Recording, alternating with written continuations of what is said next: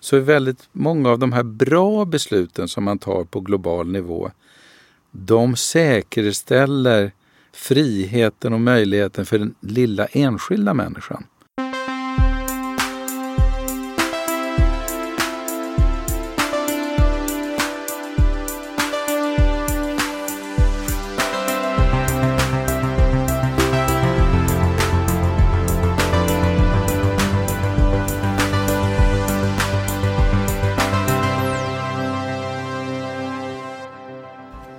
Välkommen tillbaka till Heja Framtiden där Christian von Essen och jag sitter på GT30 Helio i Stockholm i poddstudion eh, tillsammans med Jens Orback. Välkommen till podden.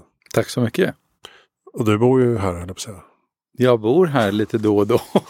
jag, jag, jag trodde att åh vad skönt det ska bli att jobba hemma och på landet och sådär. Men jag söker mig mer och mer till kontoret. Lite som Pippi Långstrump tänkte jag när hon ville ha sommarlov så var hon tvungen att gå en dag i skolan för att känna kontrasten. Så att jag tar mig gärna till kontoret för att få lite struktur och kontrast också. Just det. Och ni sitter här på GT30 sedan några år tillbaka med eh, Global Challenges Foundation. Ja, jag tror det bara är ett och ett halvt eller något sånt där. Ja, okay. Men vi trivs jättebra. Och jag intervjuade ju Karin Ism här 2018 på våren. Um, och efter det så började ni med flyttplaner så det kanske var jag som fick hit det. Det, det, är mycket möjligt. Nej, det, vi tycker det är toppen här faktiskt. Ja, bra. Vi kanske ska börja lite med din bakgrund. Det är inte ofta man har en före detta minister i studion faktiskt. Du var ju socialdemokratisk, vad sa man, eh, demokrati, integration, eh, jämställdhet, eh, lite allt möjligt. Storstad. Minister. Ja. ja, precis. Det är fint. Ja, det tycker jag är fint. Det är, det, det var inte planerat heller så. Jag, jag gjorde lite andra grejer innan och sådär. Alltid varit samhällsintresserad och så men eh, och var, var lite på, jag jobbade på Finansdepartementet och sånt där innan. Och, men sen så gick jag emot journalistiken. Mm. Och jobbade rätt mycket på SVT och så. Men sen halkade jag tillbaka till politiken. Och sen halkade jag in i det där också. Just det. Och nu är du sedan något år tillbaka då vad säger man? Managing Director, kanslichef? Eller säger man chef bara? Ja, jag, jag har ju en sån pondus i mig själv. Nej, jag vet inte. Jag tror att det står VD på mitt visitkort. Okay, Men det, det är ingen som vill ha visitkort längre heller. Så att, ja, jag har visitkort. Ja, ja, du kan få alla ja, mina. Kan, vi, kan byta eller höger. ja. Nej, men, eh, och jag tycker Global Challenges Foundation är väldigt spännande. Eh, jag har skrivit om det också tidigare. att jag såg eh, Global Catastrophic Risks 2017. Mm, den rapporten. Mm. Den rapporten fick jag i min hand där någonstans eh, 2017-18. Och tänkte, vad är det här? Jag ska ju precis dra igång Heja Framtiden. Jag ska ju vara framtidsoptimism. Och det här är jätteläskigt. men ju mer jag läste och ju mer jag började prata med folk så tyckte jag att men det är väl fantastiskt. Att det finns så många smarta människor som sitter och jobbar med de här sakerna och verkligen utreder hur man kan förebygga katastrofala risker. Kan du berätta lite hur ni jobbar och vad er roll är i det här mm. systemet av existentiell risk på något sätt? I detta ekosystem. Jag skulle säga att vi kommer utifrån en grundare av den här stiftelsen som heter Laszlo Shombat-Falvy som eh, var väldigt duktig på risk på den finansiella marknaden. Men han sa ju, vad, tänkte vad spelar det här för roll? Vi, människan håller ju på att driva sig själv till en situation där vi kanske till och med bygger en planet eller skapar en planet som inte är hållbar för människor. Och då startade han den här stiftelsen och om man säger så här att vi vi har ju haft globala katastrofala risker tidigare. Det har träffats meteorer, har träffat jorden och massa vulkaner och stora epidemier också under mänsklighetens tid. Men sen andra världskriget kan man säga. Delvis bildades ju FN för att inte få en spridning av atomvapen, men det var väl ännu mer mänskliga rättigheter och ett värdigt bemötande människor emellan och så. Men sen dess så har vårt globala medberoende ökat kraftigt. Nu håller jag upp en arm som pekar uppåt. Mm. Medan de institutionerna som vi har, de det är min flata arm nu. De har inte alls utvecklats speciellt mycket. Till och med gått tillbaka lite under Trump-åren. Och där finns ett riskgap emellan. Och riskerna i allt större utsträckning, det handlar om klimatrisk, om Eh, miljörisk i form av biologisk kollaps, men också massförstörelsevapen och så. Och det har vi inte institutioner att hantera. Och det är en risk i sig. Så våran stiftelse jobbar med att kunna bidra till att vi tittar på den här beslutsarkitekturen så att vi kan ta diskussioner och beslut och ha inflytande precis som vi kan ha i en tomtägarförening tänkte jag säga, eller en kommun eller en stat och som vi har liksom också på EU-nivå. Men på det globala området så är det rätt mycket starka som bestämmer. Och sen har vi ett annat problem också skulle jag säga, att många av de här nyttigheterna som vi har gemensamt, alltså vatten, luft, i, kan man säga om skog också, de har inga priser. Så att vi har utnyttjat dem rätt ordentligt. Och i våra ekonomiska kalkyler så får ett träd ett värde först när det har huggits ner. Men för oss har det ett stort värde i att producera syre och dra till sig koldioxid och sådär. Så att vi måste också börja titta på de här kalkylerna lite. Hur definierar ni en global katastrofal risk? Vi definierar den och den, den definitionen har spridit sig rätt mycket. Det är en risk som riskerar att ödelägga livet för mer än 10 procent av jordens invånare. Antingen direkt eller som en konsekvens av den här risken. Just det. Ser ni att eh, covid har varit en sådan? Nej, inte än. Men eh, den spanska eh, influensan var rätt nära och det kan komma någonting. Och skulle man titta på ett långsiktigt perspektiv så är pandemin i alla fall stora liksom, mänskliga risker. Men, men vi mäter inte riktigt som en global katastrofal risk enligt den definitionen i alla fall. Men den lär oss rätt mycket om bristen på hantering globalt. Om jag bara får stanna vid den en gång mm. så, så, så, tycker jag att det finns ett mycket intressant diskussion också om vi måste bli Alltså hur rättvisan spelar in i vår möjlighet att hantera de här katastroferna. Jag tror att många finansministrar runt om i världen kanske vill ha en transition, eller premiärminister eller regeringar. Men för att den ska ske måste den i någon mening vara rättvis. Man såg det när Macron skulle höja bensinskatten, att det blev protester direkt. Vi har subventioner för för drivmedel som är gigantiska runt och ändrar du på den så kan du bli avsatt. Men man kan också se det i att den här vaccintävlingen nu till exempel. Då kan några länder slå sig för bröstet och säga att vi har varit jäkligt snabba i det här. Men det, det är ojämlikheten och långsamheten hos andra som dag två kommer att hota oss. När man ser att oj, där var ingen vaccinerad. Där blev en mutation som kommer tillbaka där vårt vaccin inte funkar. Så, så att för att klara de här så måste man också föra in frågan om, om justice, alltså rättvisa på något, på något sätt. Men kan man säga kanske blev Trumps fall också då?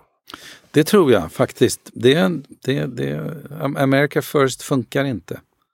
Jag vet att Reagan, jag pluggade i USA när Reagan kom till makten och sa att ja, men om bara var och en tänker på sig själv så blir det bäst för alla.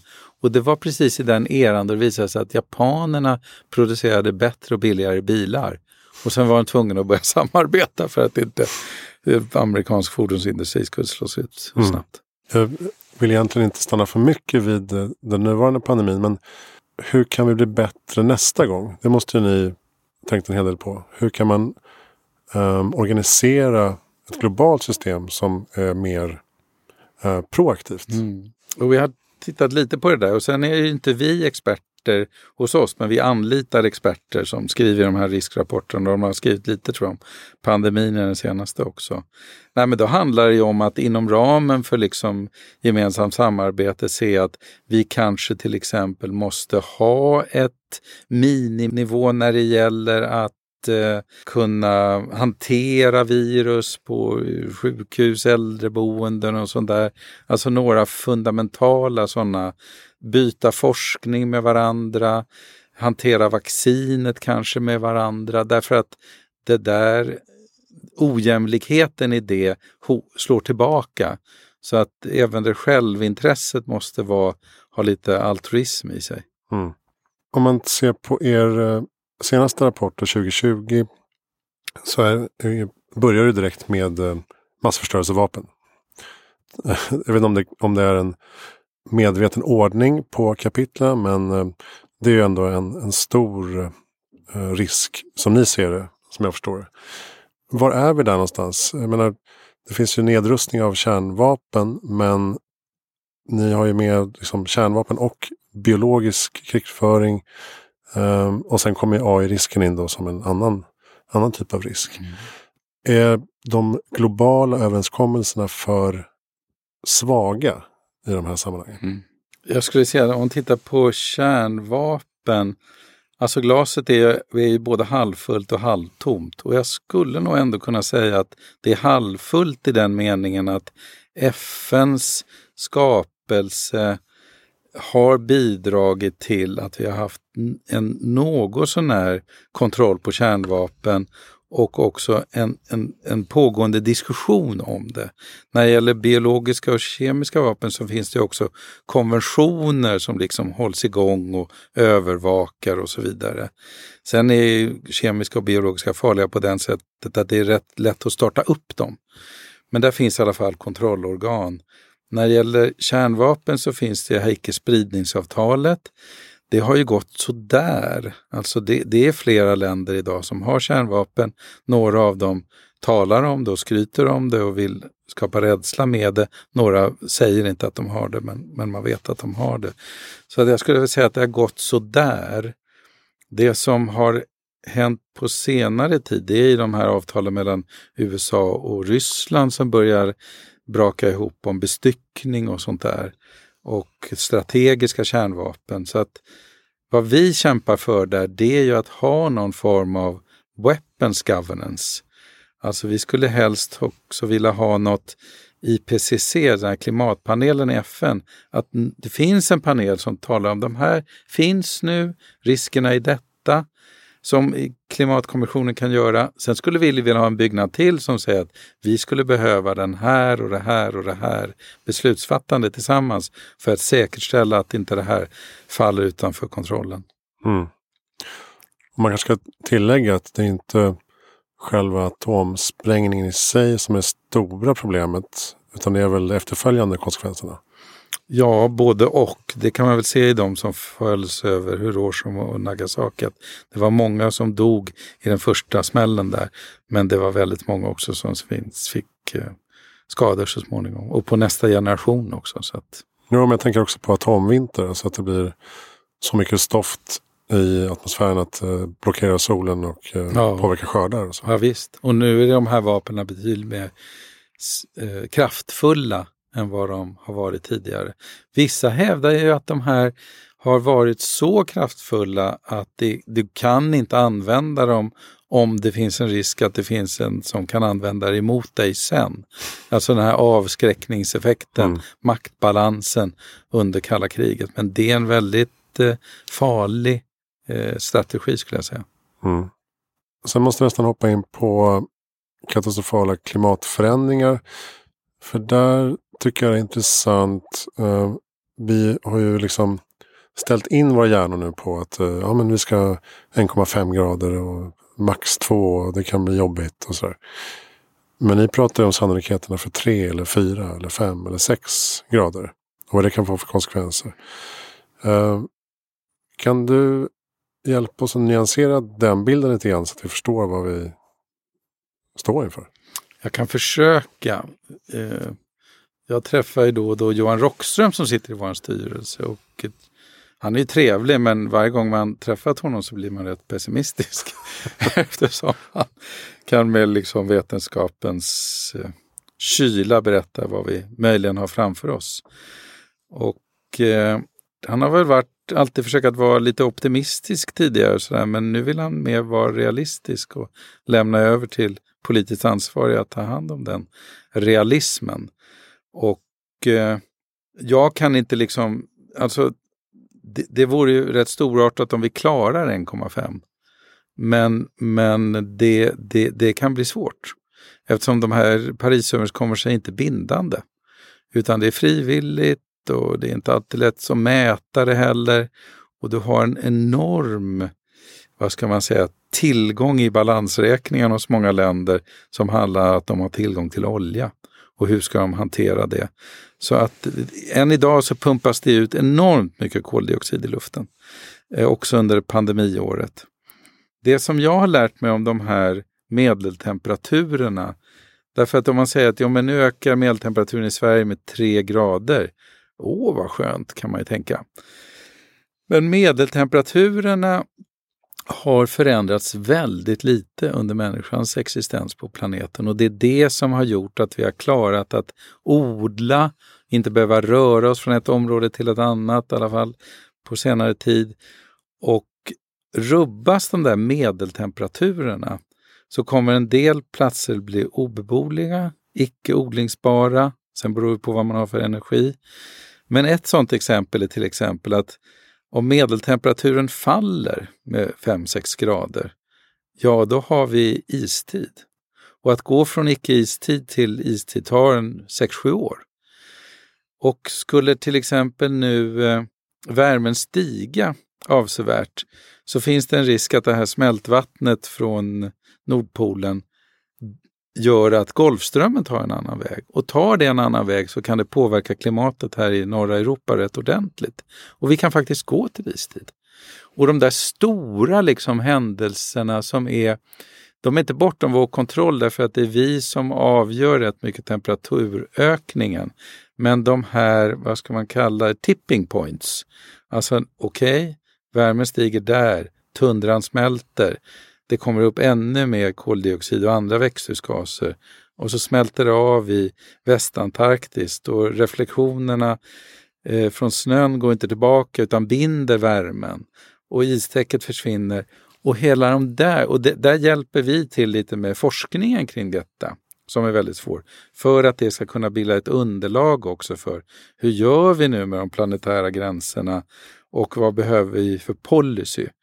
Men, men det där med medeltemperaturen och de här olika har jag i alla fall som lekman lärt mig att, att en förändring av medeltemperaturen skapar gigantiska förändringar. Vi har legat i ett spann tror jag mellan att det går upp ett, ett par grader och ner ett par grader. Och vi har, människan har funnits 2000 år på jorden. Eh, och nej, två, 200 000 år. Senaste... Jesus var första ja, precis. ja, enligt, enligt Bibeln ja, i alla fall. Enligt din ja. filosofi. Ja. Mm. men men vi har, senaste istiden kanske vi började klättra upp här i Norden för 14 000 år sedan. och sådär. Men under den här människans existens så har den här medeltemperaturen rört sig väldigt lite. Och en förändring i det kan ha väldigt, väldigt stora effekter.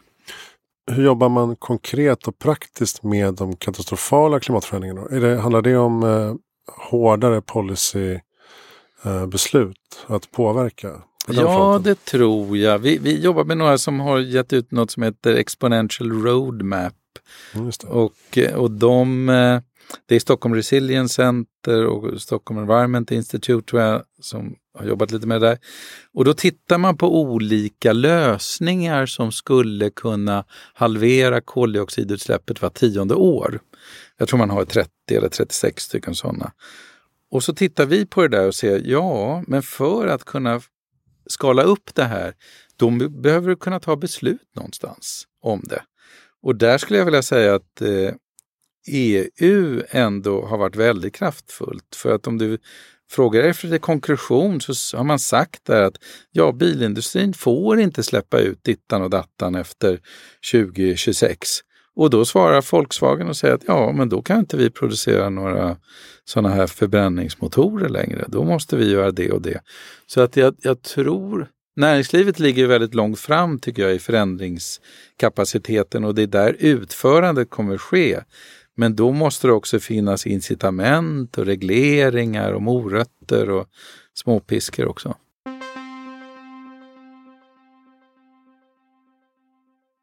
Sen kommer vi in på de lite större sakerna som kanske inte kan påverka så lätt. Asteroider och supervulkaner är ju två sådana här som är jobbiga om de inträffar.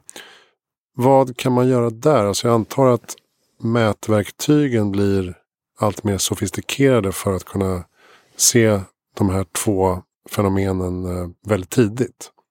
Är det något mer man kan göra än, än det? Alltså nu finns det inom FN ett organ som tittar på asteroider och de har också kvantifierat att om det är en asteroid som har en viss diameter, om det är sannolikheten att den kommer att träffa jorden är större än x procent och, och huruvida när det kommer att ske, då kommer man samlas. Och jag tror att nästa år, 2022, kommer man också utföra någon form av tester för att se om man kan liksom påverka en asteroid genom att köra in någonting i den. Men det här är inte mitt expertområde, men i alla fall man har börjat titta på hur man möjligen skulle kunna påverka en asteroids storlek och eh, bana. Ja, just det. Och supervulkaner? Där, vad, vad har vi på supervulkaner? Nej, jag, det kan jag de är, inte. De är inte vanliga vulkaner, de är supervulkaner. Ja, just det. Och där, där fanns det, det, man har ju tittat i de här jordlagren och sagt att det var en tid som hela jorden var liksom i, i dimma och rök. Och, och då var väl ett av de här massutdöendena också som hade supervulkaner som utgångspunkt. Men jag, men jag kan inte bekämpningsåtgärderna. Nej. Det får du ta. Okej. Okay. Tack. Jag menar, det är bara att se på Islands utbrott för några år sedan. Ja, vilka konsekvenser det fick för ja. hela globala flygsystemet. Mm. Om man tänker en uh, tio gånger så stor vulkan så är det klart att uh, det är lätt att föreställa sig att det får ganska lång, långtgående konsekvenser mm. för, för mänskligheten. Ni tittar också på det här med AI-risk. Och då brukar man prata om AI alignment, alltså att linjera artificiell intelligens mål med de mänskliga. Vilket ju lätt blir eh, lite filosofiskt och svårbegripligt. Hur skulle du säga att man, eh, liksom, vad är den framkomliga vägen? Där? Hur jobbar man med, med det? Alltså, jag ska säga att vi koncentrerar oss framförallt på klimat och miljörisker och lite på de här massförstörelsevapnen. Men vi tar upp de här andra riskerna också. Man kan ju också säga att det kanske finns en X-risk, en okänd risk som vi inte har sett än. Och även för dessa risker behövs det någon form av governance och beslutssystem när de en gång når oss. Men när det gäller AI så är väl liksom den svåra frågan när AI också besitter det som vi definierar som liksom mänsklig intelligens och beslutskapacitet.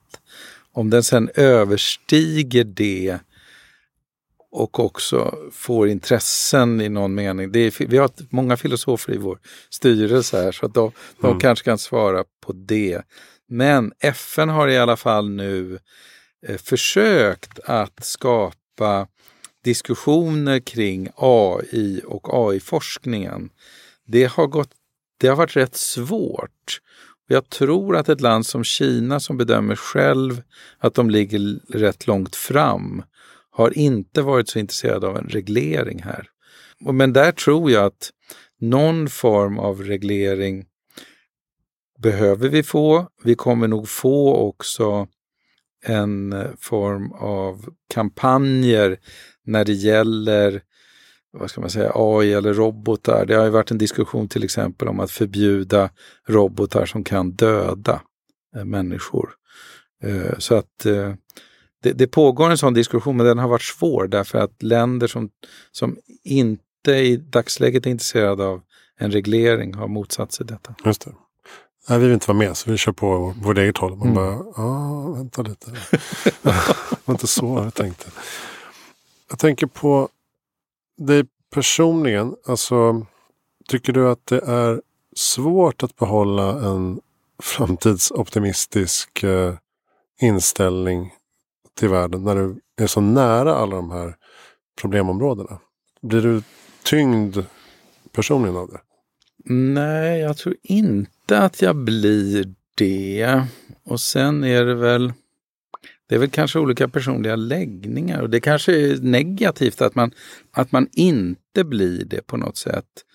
Jag tycker dock att de här stora frågorna, liksom coviden också, gör att man kan känna sig rätt liten och att det är rätt bra på något sätt. Att man går in i, inte den lilla världen, men den nära världen och det är där som, som det är viktigt att vara bra för sin nära omgivning. Men vi tänker i alla fall på stiftelsen att vi, vi måste liksom få till någonting så att vi kan hantera det här gemensamt.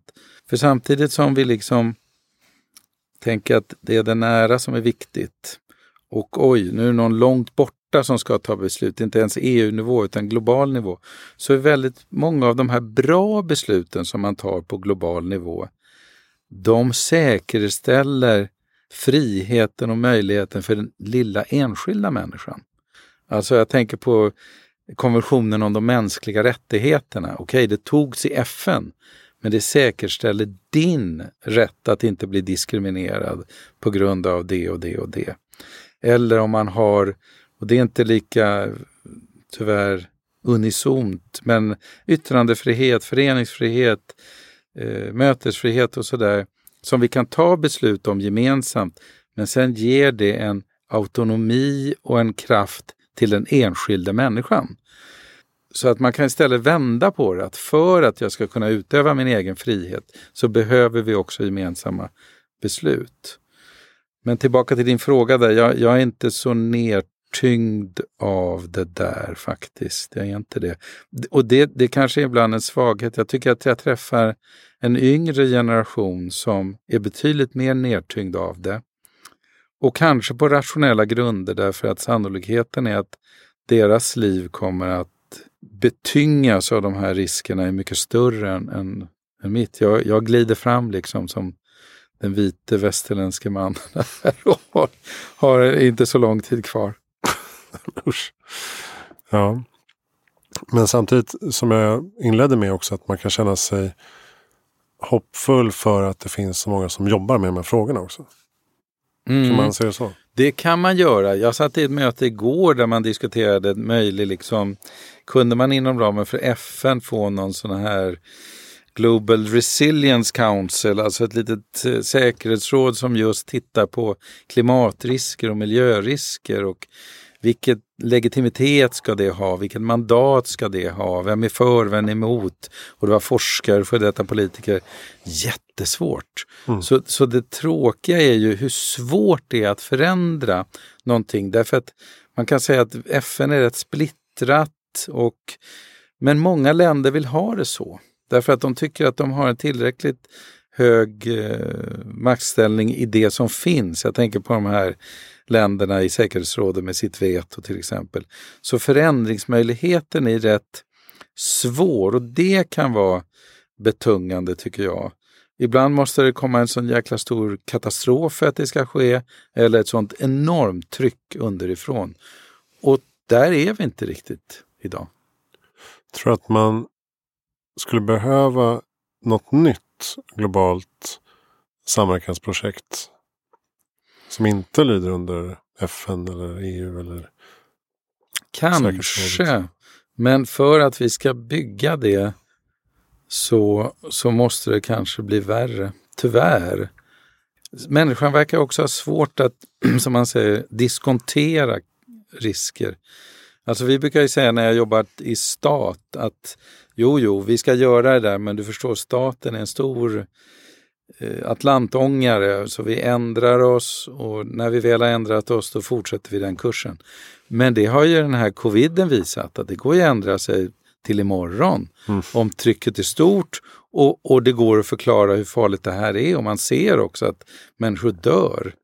Men att förklara den här klimatgrejen där man bara känner att det har blivit lite, vår lite tidigare, det är svårare. Trots att det nu börjar komma rapporter om kanske klimatmigration och vad det nu kan vara.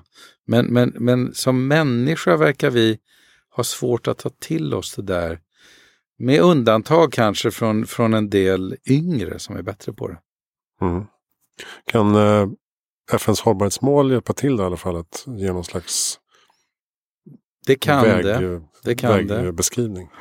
Det. Hållbarhetsmålen saknar lite Eh, men det är, en annan, det är politikerspåret. Alltså jag saknar det här om att ha rätten att organisera sig, yttra sig och allt det där som är en, en bra vad ska man säga, motor för politisk förändring.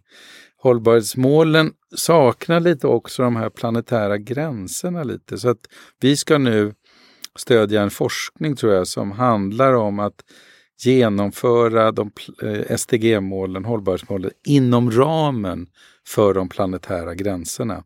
För att vi kan göra massa grejer där men tippar vi över, över det där och får en temperaturökning på 7-8 grader då, är, då spelar inte det så stor roll. Ja, just det. Och det är de här planetary boundaries som eh, Johan Åkström bland annat varit med och tagit fram.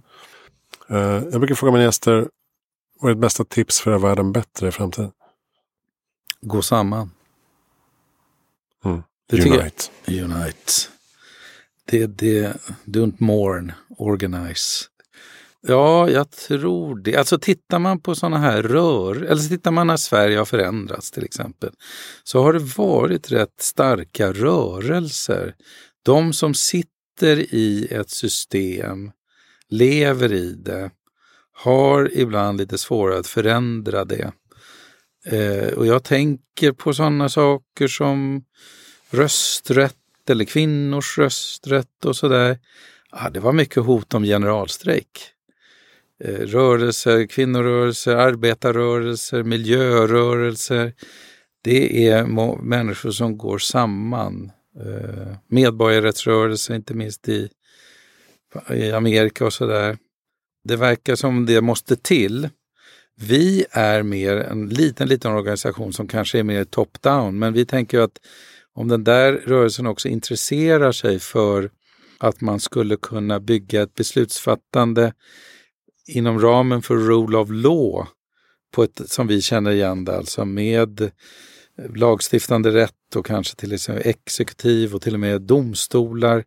Ja, då, då har vi någonting som kan hantera de här eh, katastrofala riskerna och vi ser gärna att det också förs fram av en rörelse. Så. Mm. Jag tycker det är intressant nu när till exempel eh, Fridays for Future med Greta och sånt där lyfter fram det här med ekocid. Eh, lyfter fram barnkonventionen och säger att staten har rätt att tillhandahålla hälsa och skydda liv och man går liksom juridiska vägar också som är en del av, eller en central del av Rule of Law. Mm. Har du bra um, lästips eller poddtips? Den här podden. eh, och lästips.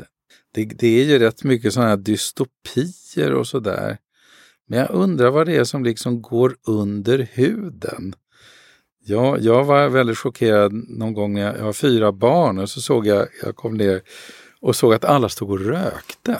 Tänkte, vad är det här? Det här är, det här är väl avklarat? Och då och då, ja, nu röker ingen av dem i alla fall. Men när man har gjort sådana här studier, vad det är som kan få dem att ändra sig, det är att man liksom gör sådana här där bilder av dem själva om de har rökt i 30 år.